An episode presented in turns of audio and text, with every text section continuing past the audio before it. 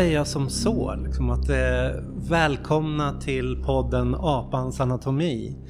Och det är Herman Geijer som jag har med mig idag. Hej Herman. Tjena, tjena. Och vi gör det här inför publik. Så eh, det ska bli lite roligt och spännande. Vi kommer lägga upp det först efteråt. Vi har en hel dag nu som kommer vara på temat eh, katastrof och kamp. Och anledningen är ju det har varit FNs eh, miljökonferens. Jag har ägnat några avsnitt av den här podden och pratar då om att eh, 1972, vad som hände under den första stora miljökonferensen som hölls i Stockholm och den moderna miljörörelse som föddes där, som det var liksom då den steg ut på den globala politiska arenan. Så här.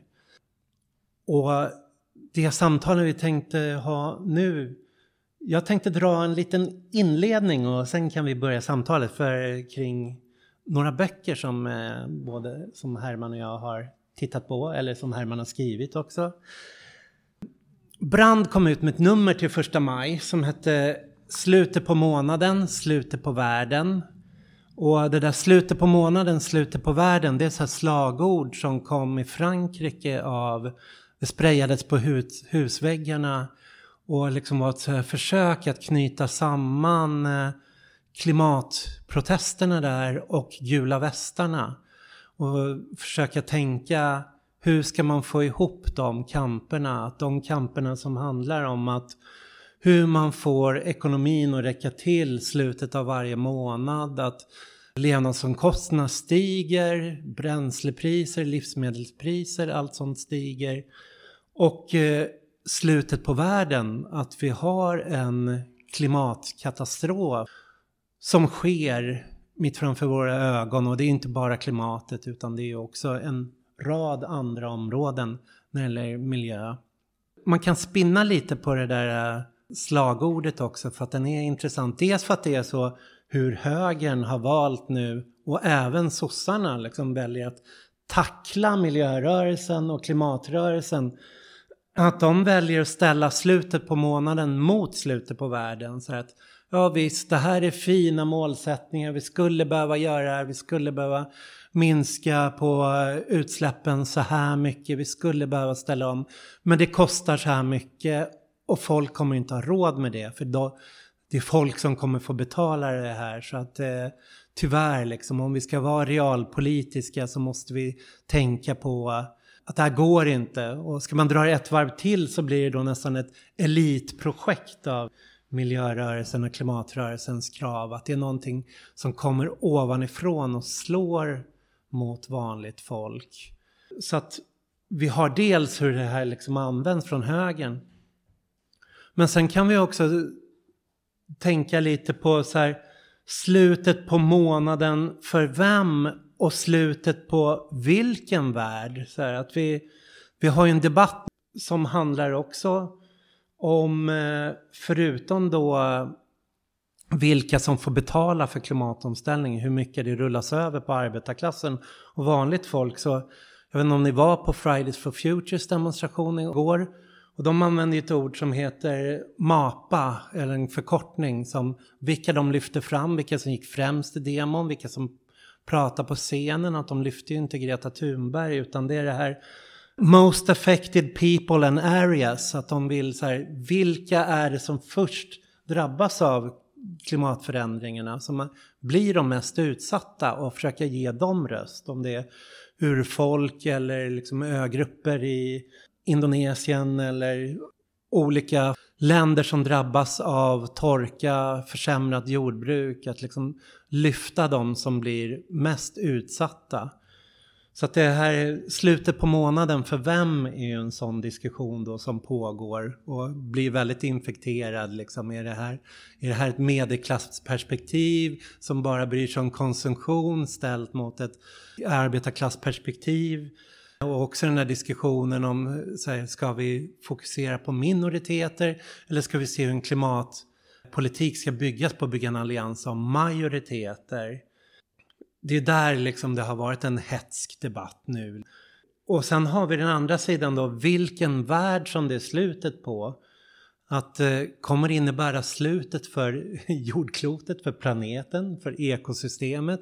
Eller är det en viss form av mänskligt levande som, som tar slut?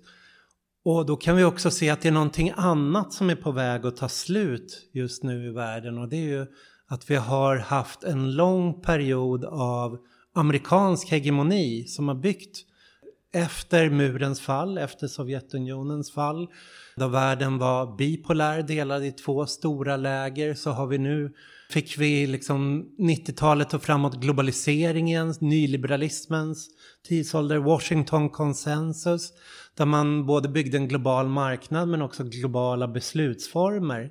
Och hela det här med FNs klimattoppmöten, COP-möten har ju byggt på det här systemet, Parisavtalet och så. Och det vi ser någonstans är ju hur den där globaliserade modellen har börjat krackelera upp ända från 2008 och framåt. Liksom vi kan se handelskrigen med Kina från Trump och USA. Vi kan se Ryssland och Kinas försök att skapa sig en starkare position, liksom gå in i Ukraina, liksom paniken kring att NATO liksom försöker göra sig starkare och det innebär också förändringar för klimatrörelsen vad vi kan göra. Så att det är en annan värld som förändras där och hela den här strategin som Fridays for Future och så innan pandemin byggde på att de här globala makthavarna måste lyssna på forskningen. Så här.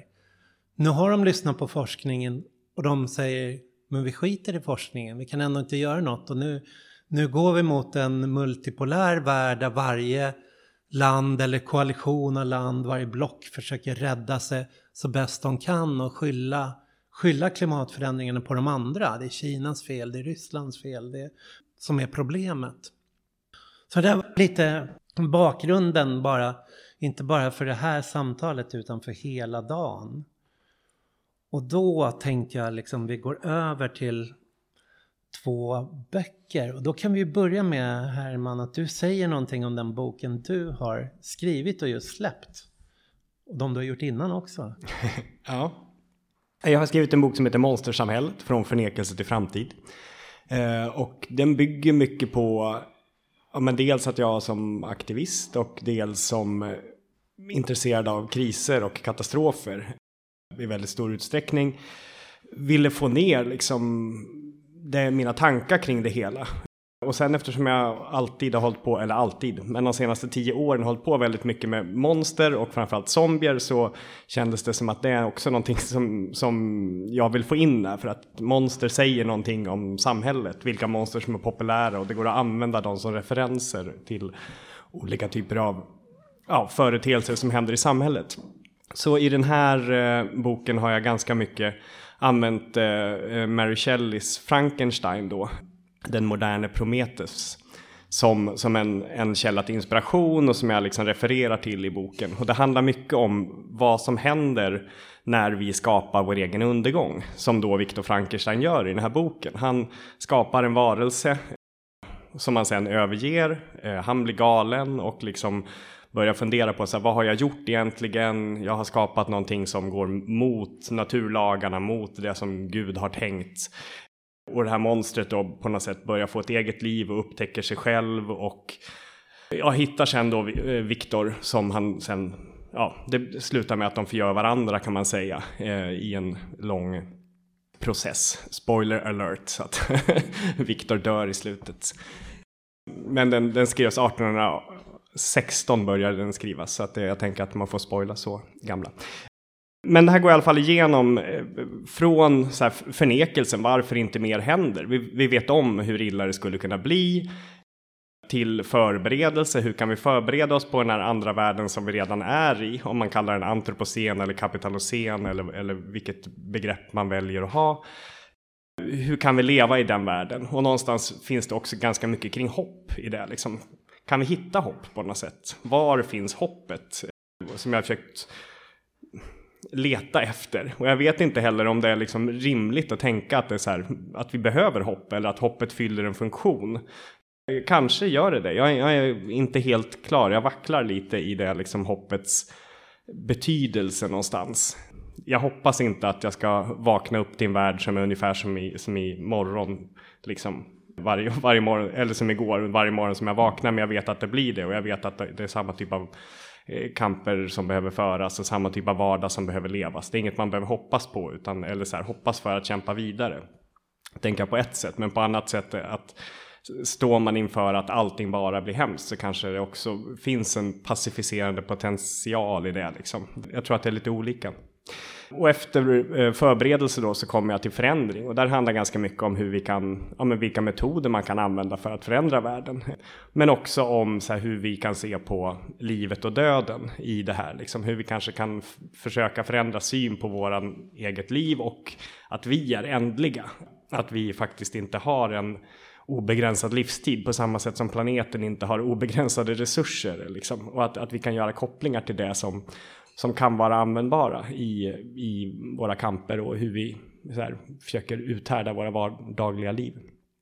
Och sen till framtiden då. Eh, skisserar upp hur man har sett på framtiden förut, vad, vad det säger om, om dagens samhälle och hur liksom våra framtidsbilder idag kan, eh, ja men hur de ser ut och, och, och, och att det är mer liksom framtiden är alltid en produkt av nuet. Liksom. Det, det, är nuet som skapar framtiden och framtiden är alltid kopplad till nuet hela tiden. Framtiden är någonstans det, det vi gör och det vi inte gör är framtiden, eller det som blir framtiden.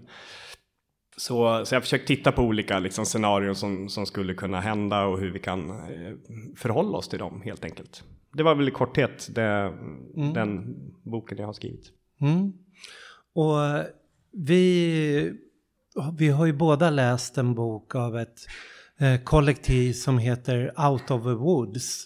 Som, eh, de har publicerat texter under en längre tid på en blogg, kanske i, i tio års tid och var en del av den här brittiska klimataktivisten Climate Justice Moment och varit inne och liksom, de har diskuterat alla möjliga från ekofascism, eh, gränser, Green New Deal, Naomi Kleins böcker, allt som har kommit upp. Och det intressanta med den boken är just, just för att det är en samling av texter, att den, den ger en överblick om vad klimatrörelsen någonstans har befunnit sig.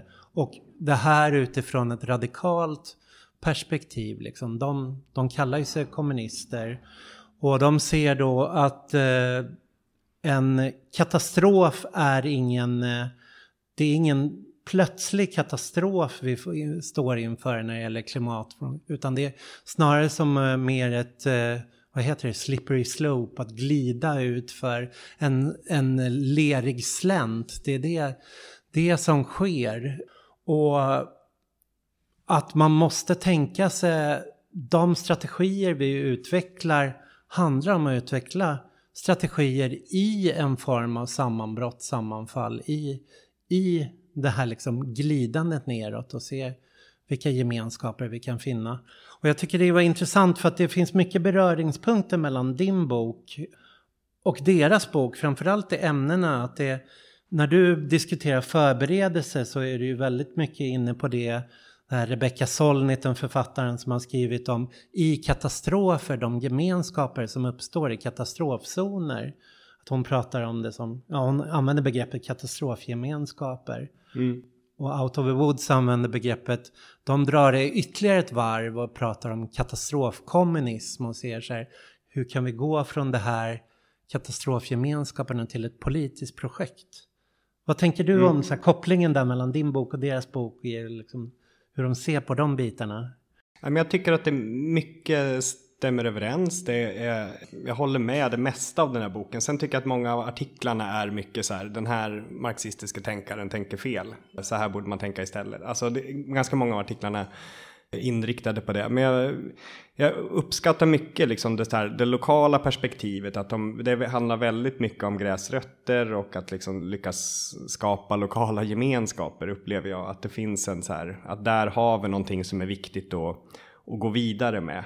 Det är inte de här storskaliga planerna att bygga upp så här borde hela samhället vara strukturerat, så här är hela, det här är den stora tioårsplanen framåt som ibland lyfts fram. På andra håll eller liksom betonandet av staten som den, den enda som kan göra någonting liksom storskaligt.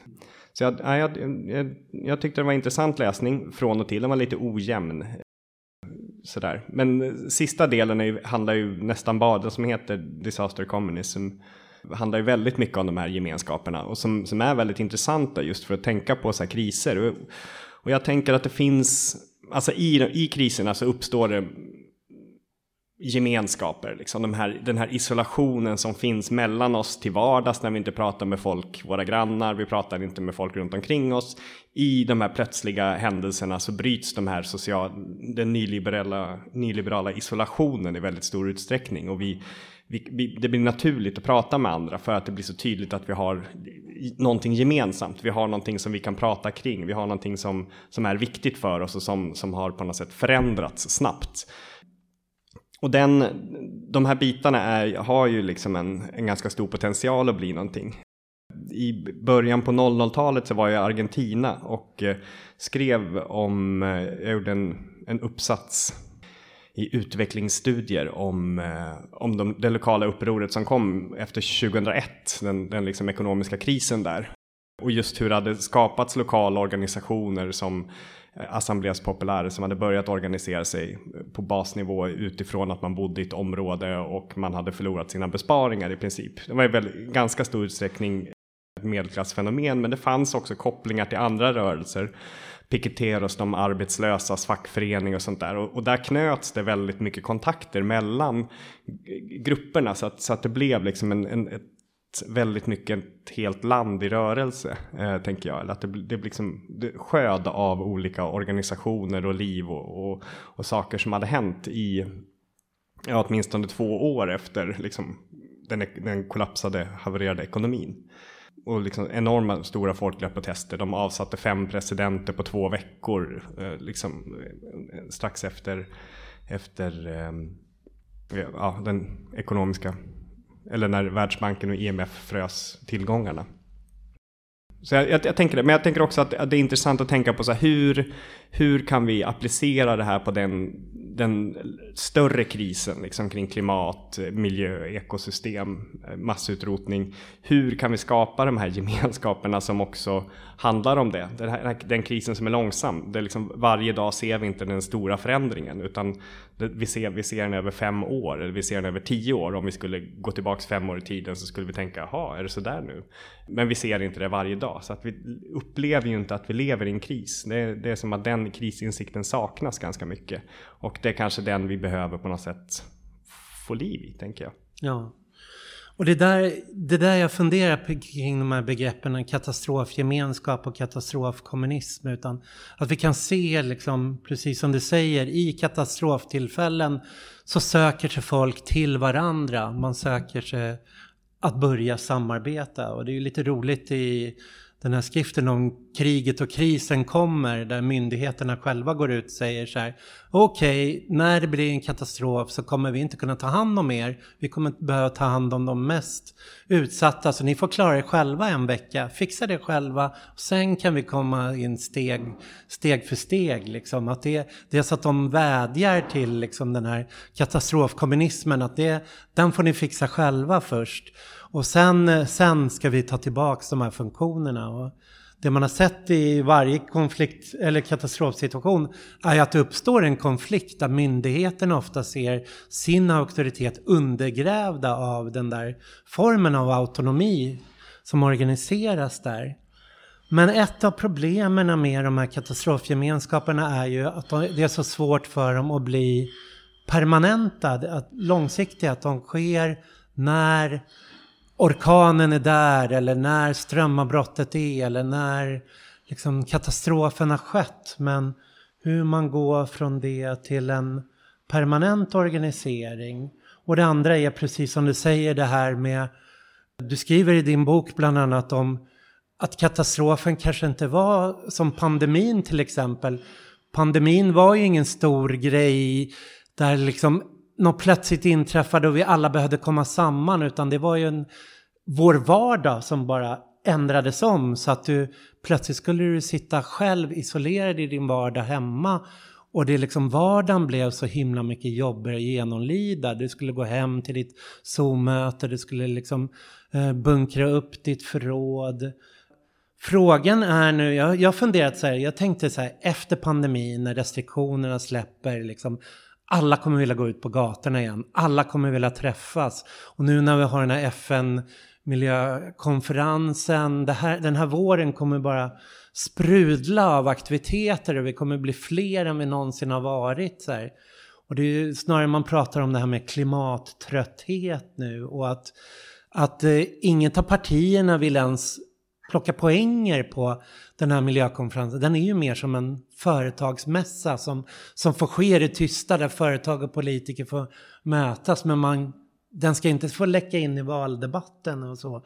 Utan det är snarare att vi försöker göra det som har skett att det är en förträngning både politiskt men även kanske även underifrån i, i katastrofmedvetande just nu. Mm. Jag tänker, vi, vi har skrivit en del om så habituering eller att vi vänjer oss vid nya situationer. All, när allting förändras så i början så är det lite kaos och det, liksom, det, det, känns lite häftigt eller att någonting händer, man, man rycks upp och, och vaknar till lite grann liksom och, och börjar hitta saker att göra. Och det såg vi, det var, liksom, i pandemin så var det ju väldigt mycket av den här spontana hjälpverksamheten, man handlade åt grannar, folk tillverkade visir eller, eller ställde om organisationer på olika sätt. Och, och det, det är ju superintressant. Men, men om man tittar på forskningen kring krisbeteenden så, så är, håller de här beteendena ungefär i tre månader brukar man säga. Att så här, man, man håller efter en plötslig kris så förändras beteendena och sen håller de ungefär i tre månader och sen återgår det till normala. Men pandemin så blev det ju inte riktigt så eftersom den här liksom höll på mycket längre. Så många av de här beteendena tänker jag fortfarande man inte riktigt vet liksom vad som händer. Min upplevelse av det här, men det, det pratades mycket så här, kommer man fortsätta ta i hand och krama främmande människor människor. Nej, det kommer man nog inte göra. Jag tycker nog att man gör det. Eller att liksom de flesta beter sig ganska mycket som förut ändå. Så att vi har ju gått tillbaks till, väldigt mycket och det, det är svårt att tänka kring det här. Å andra sidan så tänker jag också att det kommer komma väldigt många, många av de här olika kriserna. Jag tänker att pandemin var ju en, ett resultat av det, den livsstil vi lever. I, i den här Out of the Woods-boken skriver de också om Eh, att det inte finns naturkatastrofer. Att det ordet är liksom felanvänt egentligen för att alla katastrofer är sociala och bygger på hur samhället ser ut. Om, om, om det blir en jordbävning och de fattigas hus raseras och de rikas hus står kvar så är det, det, är liksom, det är en social händelse. Det, det är inte jordbävningen som var det grundläggande problemet utan att det finns eh, landlords som bygger skithus som fattiga kan bo i. Liksom. Det, det, är där, det är där katastrofen är då. Och jag, jag, tänker att eh, vi kommer se mer av det liksom. Eh, och, och, vi kommer kunna, jag tänker att vi har en uppgift där att koppla ihop liksom de här orättvisorna, de, den sociala snedvridningen av eh, katastrofernas effekter.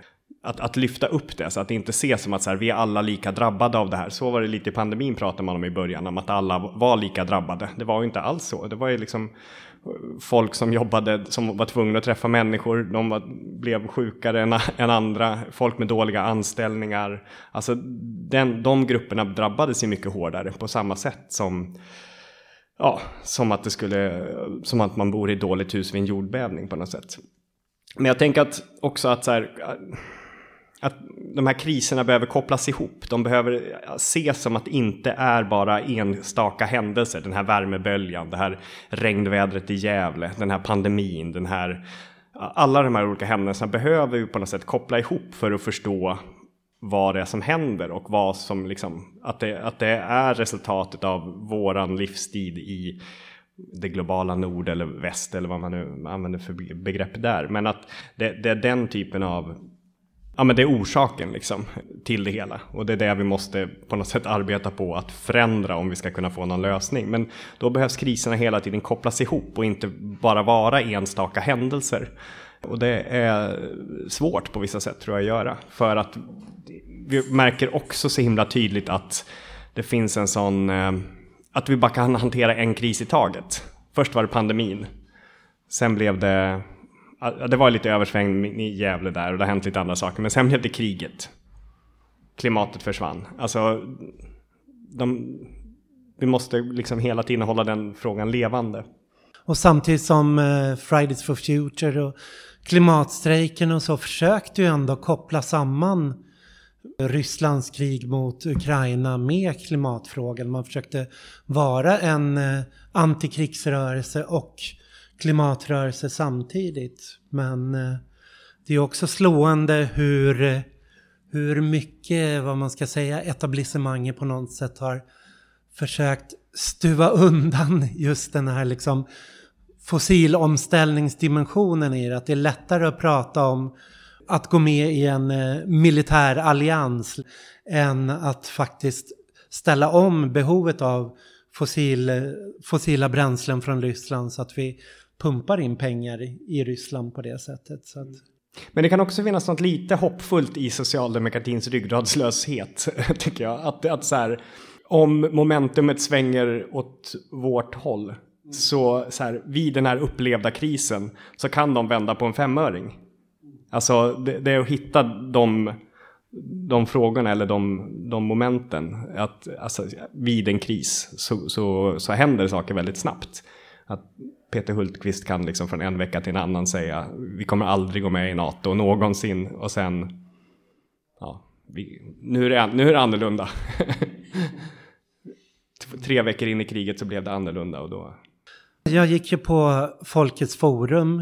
Eh, det vad ska man säga, klimatrörelsens egna forum under miljökonferensen här nu och har försökt följa debatten och det känns ju någonstans som klimatrörelsen står lite och stampar just nu för man inte vet hur man ska göra. Att kommande COP-möten det kommer ju vara i Egypten och sen tror jag det var i Saudiarabien därpå. Förenade Arabemiraten ja. Och det kommer vara omöjligt att göra protester där nere och samtidigt så vet vi liksom inte ens om hur stort inflytande de här COP-mötena kommer, kommer ha framöver. Om vad kommer Ryssland, Kina ens bry sig om det? Och så har vi klimatpolitiken lokalt eller liksom nationellt då som, som ska hållas borta från valrörelsen och bara bli gröna industrisatsningar på sin höjd, bästa fall, det, vilket är bra förslag. Men någonstans så kräver det ju att klimatrörelsen förändrar metoder då. Andreas Malm har ju varit inne på det här How to blow up a pipeline, att nu är tiden att bli radikalare. Vi måste angripa fossilekonomin rakt av, liksom gå in och skära. Och Out of the Woods, de diskuterar ju liksom, de pratar om det som blockadia, kallar de det här. Eh, det är som Naomi Klein, Andreas Malm, eh, Extinction Rebellion också. Vad heter de? Återupprätta våtmarkerna. Kör att man, man går in och försöker blockera så mycket strukturer som möjligt i cirkulationen, cirkulationskamper. Man, I städerna så att säga för att få till stånd ett nödläge. Och det är liksom den ena formen man gör det på. Den andra formen är att gå ut till den direkta extraktionen. Så här. Och där är NDG som blockerar kolgruvor, eh, blockaderna som planeras i Gallock, blockaderna som planeras vid Cementa på Gotland eller liksom stoppa skogsskövlingen som är, eller vägbyggen när man går ut och liksom går på de här direkta platserna. Men det verkar ju ändå vara en twist, eller en twist nu liksom. Vad, vad blir nästa steg?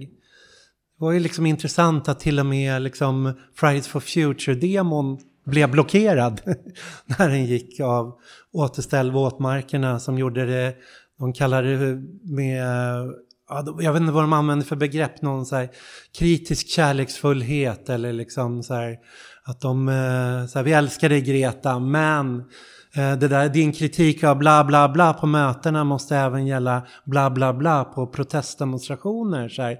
Istället för att bara gå från punkt A till punkt B kunde hela den där demonstrationen satt sig ner och kanske gjort någonting mer. Liksom. Så det är ju där någonstans en diskussion också står. Så här, vad blir nästa steg? Så, så vad tänker du med din bok och liksom det här med katastrofgemenskaper, katastrofkommunism? Vad är det liksom, vad kan klimatrörelsen ta framåt om den globala och nationella politiska arenan är stängd just nu?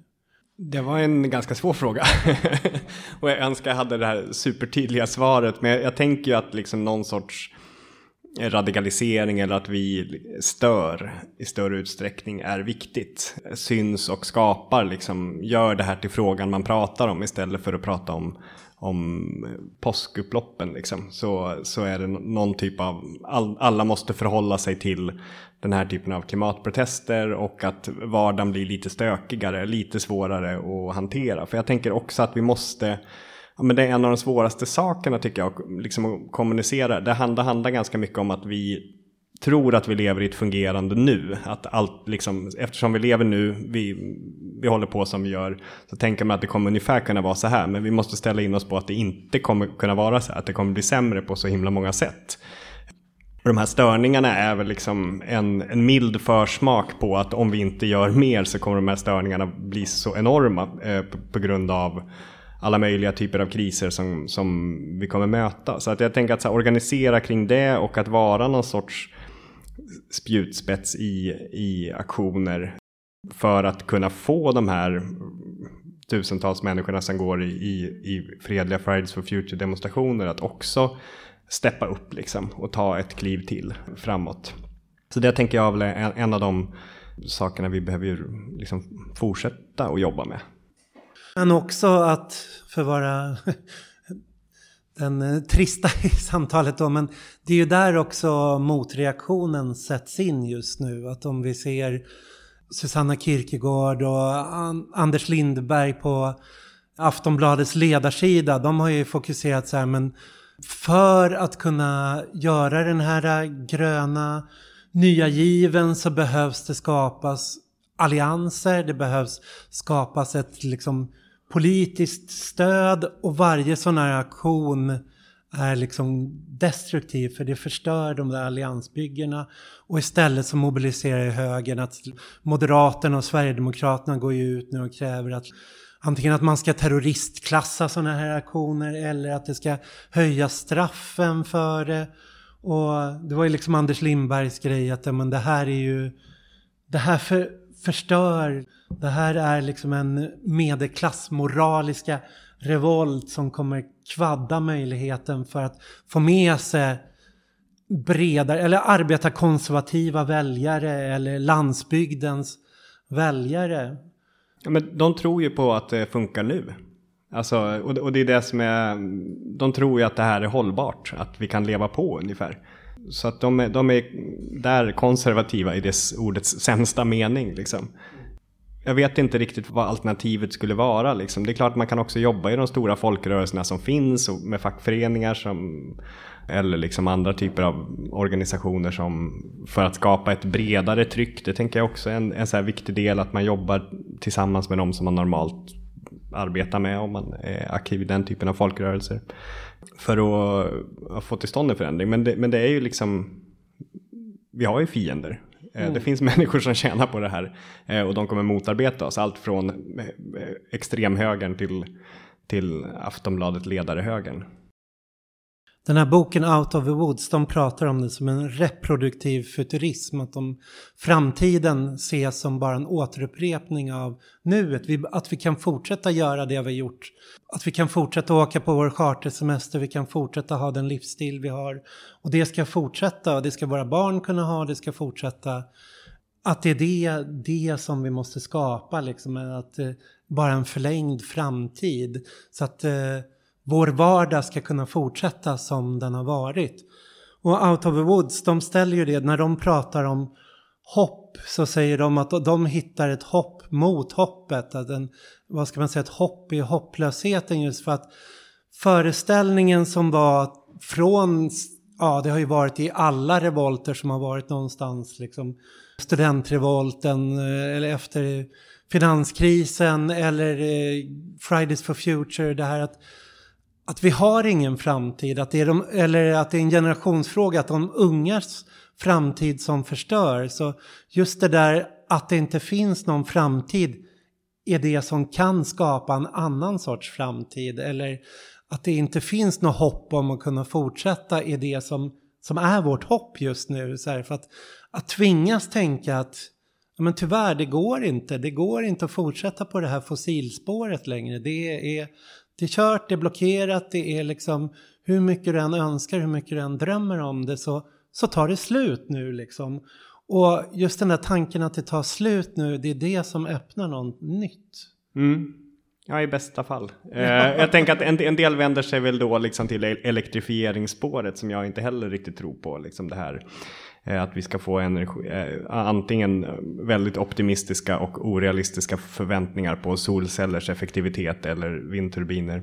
Eller kärnkraftsfrågan som är också en sån, ja men kanske mer som högern driver för att vi ska kunna ha den energitillgången vi har idag. Men inget av det tror jag heller kommer funka.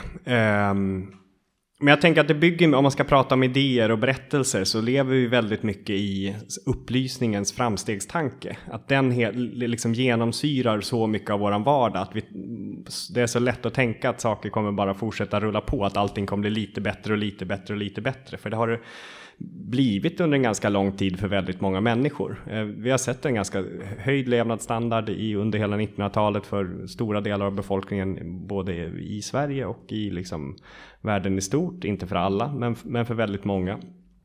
Uh, och kanske särskilt liksom den, min föräldrageneration är supermarinerade i det här med att allting bara blir bättre. Att man så här, men vadå, har du inget jobb? Du kan väl bara gå ner till hamnen och fixa ett jobb. Det gjorde jag när jag var ung. Alltså den, den tanken. Eh, och det är en idé som, som skapades och som formade även marxismen skulle jag säga och liksom väldigt, alltså alla, liberalismen också i väldigt stor utsträckning den här liksom tanken på att vi, vi, kan hela tiden bygga någonting bättre, men nu har materiellt, men nu har vi liksom nått de planetära gränserna i så himla stor utsträckning så vi måste fundera på någonting annat. Men det är inte liksom, det är inte heller i den också lite tveksam till det här med att vi skapar en ny berättelse och sen ändrar sig allt. Det är inte heller så, utan det måste börja med att vi, vi arbetar rent liksom, praktiskt med att göra saker. Men det, ja, jag, jag, jag, tycker det här är, det, jag önskar jag hade så, här, så solklara svar. Men, men det är ju en, en, tid av förändring såklart och kriser och liksom att vi, det finns också ett mått av sökande som också kan vara någonting ja, men hoppfullt egentligen. Att vi liksom letar och gör saker i letandet som också kan vara intressant. Kanske.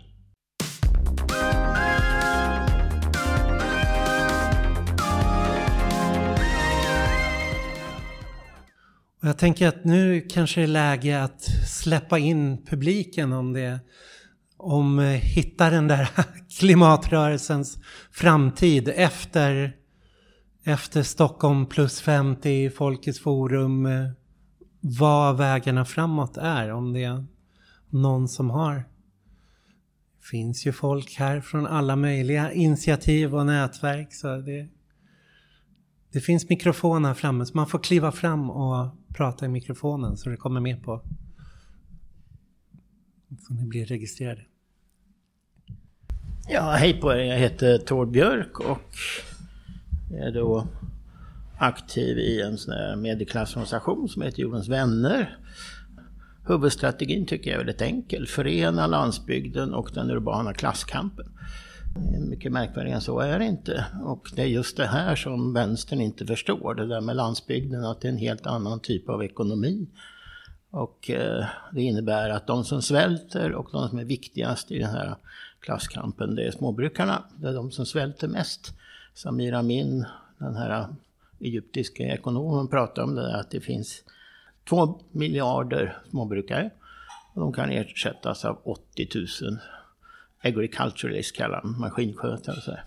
Och det är exakt det som är på gång. Hela EUs Green Deal handlar om den här digitaliseringen och vad som Via Campesina i Sverige kallar det ekofascistiska programmet för Afrika. Rewilding och ekoturism, charterturism, att medelklassen ska åka dit och titta.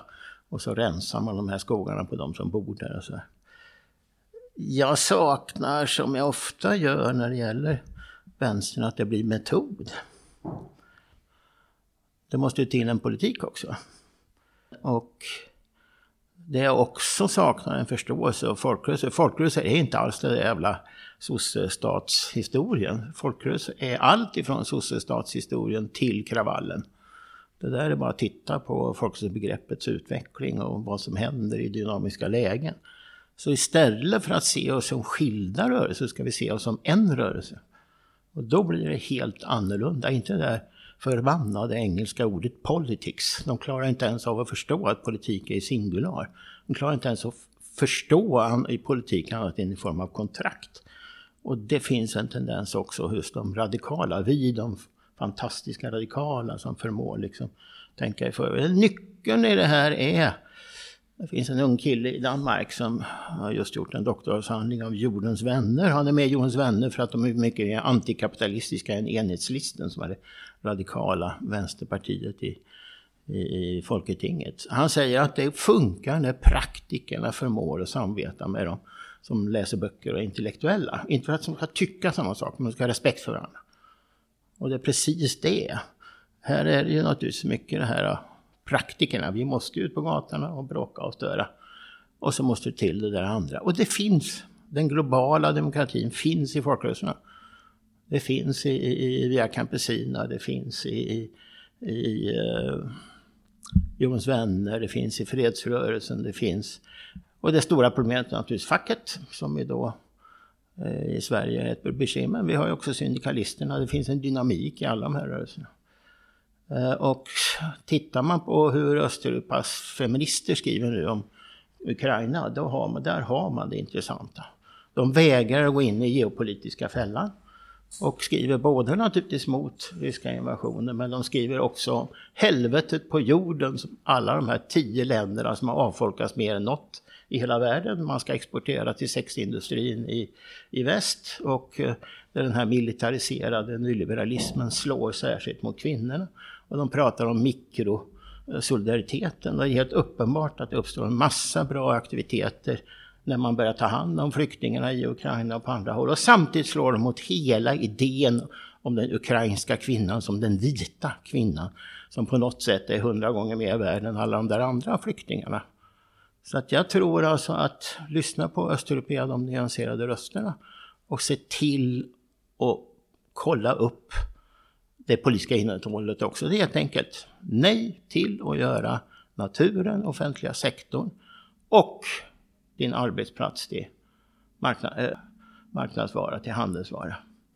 Vi måste slåss på varenda arbetsplats för vår yrkesintegritet. Inte låta medelklassen fly in i exotism och tycka att den är bra för att den håller på att rädda några urfolk på andra sidan jordklotet. Den ska ta med fan börja slåss mot att varenda arbetsplats är ett ställe för global spekulation.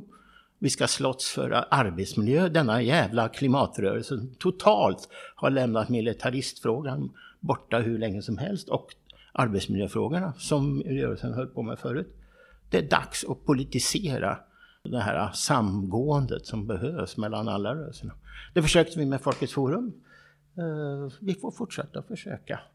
Café 44 var jag här innan EU-toppmötet och då satt anarkisterna och sa så här. Ja, vi är ju egentligen den där gamla sosse-samhället. Det litar vi inte på. Men ingen annan försvarar så det måste vi göra nu. Och det väl den typen av, av, av liksom förståelse för vad som händer i världen. Att ibland måste man försvara även dåliga saker. För de som skulle ha försvarat det gör det ta mig fan inte längre. mm.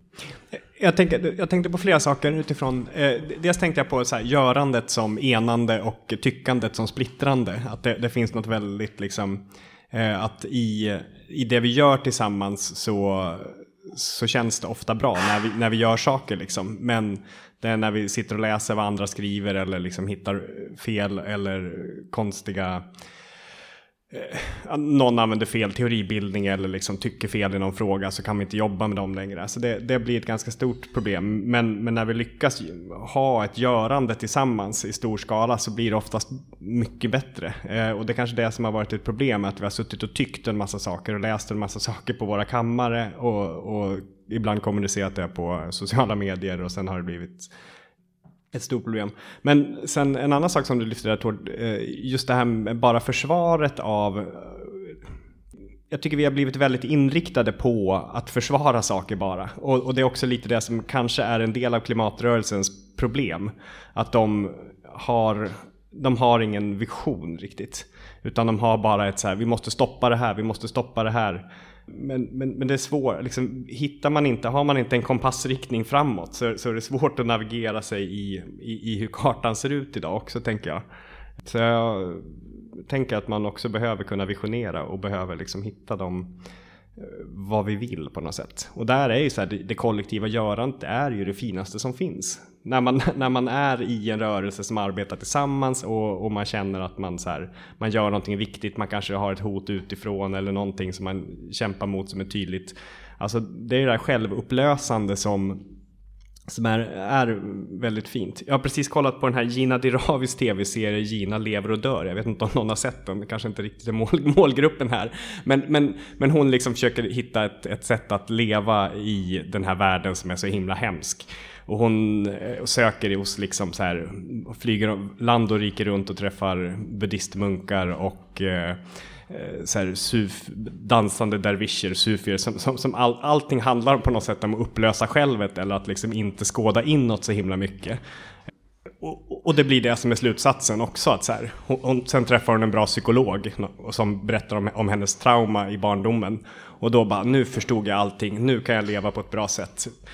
Bara, nej, det, det, det, det, är inte det där som gör att du kan leva på ett bra sätt. Och det här att du blickar inåt kommer inte heller göra att du förändra världen utan det gör det tillsammans med andra. Hon, hon träffar några från Black Lives Matter också som, och, och där på något sätt deras kollektiv skulle hon kunna ha lyft upp som att, så här, att deras kämpande och deras så här, vi skapar utopin i det vi gör just nu. Någonting liknande säger de, eller liksom nuet skapar vi också framtiden i.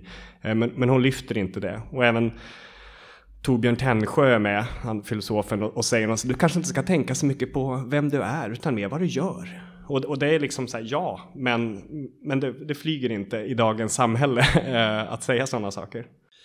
Är det någon mer här inne som har tankar kring hur vi går vidare? Jag tänker att en grej som ni var inne på, men det är ju bara som på attitydnivå, så jag vet inte vad det betyder egentligen för handlingar, men liksom det här med att det cyniska är inte längre att tänka att det är kört utan det är tvärtom. Det är cyniskt att tänka att det här löser sig. Det är, det så, och det är en underlig vridning på ett sätt. Men jag tycker att den är verkligen sann. Därför att det märks när man pratar med folk som är engagerade på en nivå där man gör små saker på sitt företag för att det ska bli mer miljövänligt eller liksom sådana här gröna satsningar och sådana saker. Det är alla sådana typ av handlingar verkar utgå ifrån att det här löser vi genom att göra de här sakerna och, det, och om man kollar på vad det betyder i förhållande till liksom, den faktiska politiska ekonomin så, så, så, känns det så sorgligt att det inte får att det saknas den inblicken i att den politiska ekonomin fortsätter och har den de konsekvenser som den har på planeten. Det är därför tänker jag att man måste vara liksom väldigt mycket mer att man måste verkligen tänka att, eh, att krisen redan är full blomning och att vi inte lever i en tid av där vi väntar på att en katastrof ska ske. För att det har redan skett. Och det är hopplöst på ett sätt. Och det är just därför vi inte har något val. Annat än att totalt liksom ändra den politiska ekonomin. Och, men det är väldigt svårt att kommunicera om sådana saker tycker jag. Även i en rörelse som, som till och med när det ska sägas så här, vi ska inte prata om olika åsikter utan vi ska bara göra saker. Men jag tycker det blir svårt att ha den åsikten därför att det är i sig en åsikt också. Därför att då är det bara som att man ska blockera en diskussion om vad man gör och bara man gör saker och då, därför blir det bra. Men det är ju samma sak som Vänsterpartiet menar när de försöker att visa någon typ av optimism genom att de gör gröna industrisatsningar. Kanske lite sådär äh, hård diss, bara lägga från mungipan på det sättet. Men det, det är lite samma som de egentligen verkar tänka då, att man bara gör någonting och så spelar det ingen roll att de där industrisatsningarna, alltså även om de är grönare så måste de ju konkurrera på en global marknad. Jag tycker det är så underligt att det liksom inte ens ingår i en diskussion i Miljöpartiet.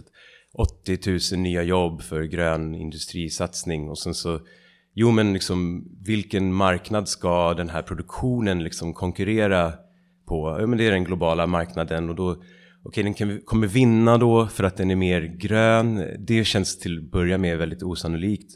Och för andra, vad då ska man konkurrera ut då andra det, finns som att det inte, det är som att det inte finns med att, att alla sådana här typer av satsningar ser bara liksom glada och lyckliga ut om man blundar för att den här konkurrensen är stenhård och på blodigt allvar på riktigt i den här politiska ekonomin och då kan man inte prata om att man tror på att det i slutändan har en positiv effekt för klimatet eller klimat, alltså jorden liksom. Så därför tänker jag att man måste kanske liksom hålla på lite grann, inte från sin kammare då eventuellt, men bara nöta på att eh, och försöka förmedla att det är cyniskt att, att vara hoppfull i det här läget. Det är cyniskt att tänka att det här löser sig. Ja, tack. Jag tänker vi avslutar nu med att höra om en kommande massolydnadsaktion. Okej, uh, kul. Kul att få komma hit och berättas. Jo, jag är här och representerar en, precis som Mattias sa, en eh, kommande massolydnadsaktion som vi har valt att kalla Take Concrete Action. Och det kommer vara en, ja, en förhoppningsvis i alla fall, man vet inte innan, men en massaktion på Gotland i sommar. Så det kommer vara den 25 till 27 augusti. Och vår aktion riktar sig då mot företaget Cementa på Gotland. Som kanske av namnet framgår eh, producerar cement. Vilket vi efter idoga research har insett är en väldigt skadlig produktion om man tänker både klimat och miljö. Och då är det framförallt att processen för att framställa cement är väldigt koldioxidintensiv för det krävs mycket energi och det cement använder för det är kol. Och för det andra så är Eh, processen också väldigt skadlig för lokalmiljön för att huvudingrediensen i cement är kalksten och det bryter de alltså på Gotland vilket förstör den lokala naturen väldigt mycket och bland annat sabbar hela vattentillförseln på hela Gotland. Så det ska vi försöka anordna vi är en ganska blandad skara aktivister, både från vänstern och från miljörörelsen, som är ja, inspirerade mycket av Ende Gelände, eh, som vi har åkt på många år. Och vi tycker att vi behöver något liknande i Sverige helt enkelt. En, en massaktion för klimatet som också går utöver de eh, gängse organisationer som verkar i Sverige just nu för klimatet och miljön. Tack så mycket. Och var hittar man mer information om det här? Man kan eh, följa oss på våra sociala medier och där heter vi eh, Take Concrete Action på både Facebook och Instagram. Eh, vi har också en hemsida, takeconcreteaction.info och där finns all info. Man kan också mejla oss på takeconcreteaction at riseup.net så kan vi svara på alla frågor. Vi ska försöka göra lite mer tour i Sverige i sommar med infosamtal och så, så man får jättegärna komma på det. Vi kommer posta det på våra sociala medier och vill man att vi ska komma till just er så är det bara att höra av sig så ska vi ordna det. Tack! Och då får jag tacka alla som eh, kom hit och tack Herman för det här samtalet.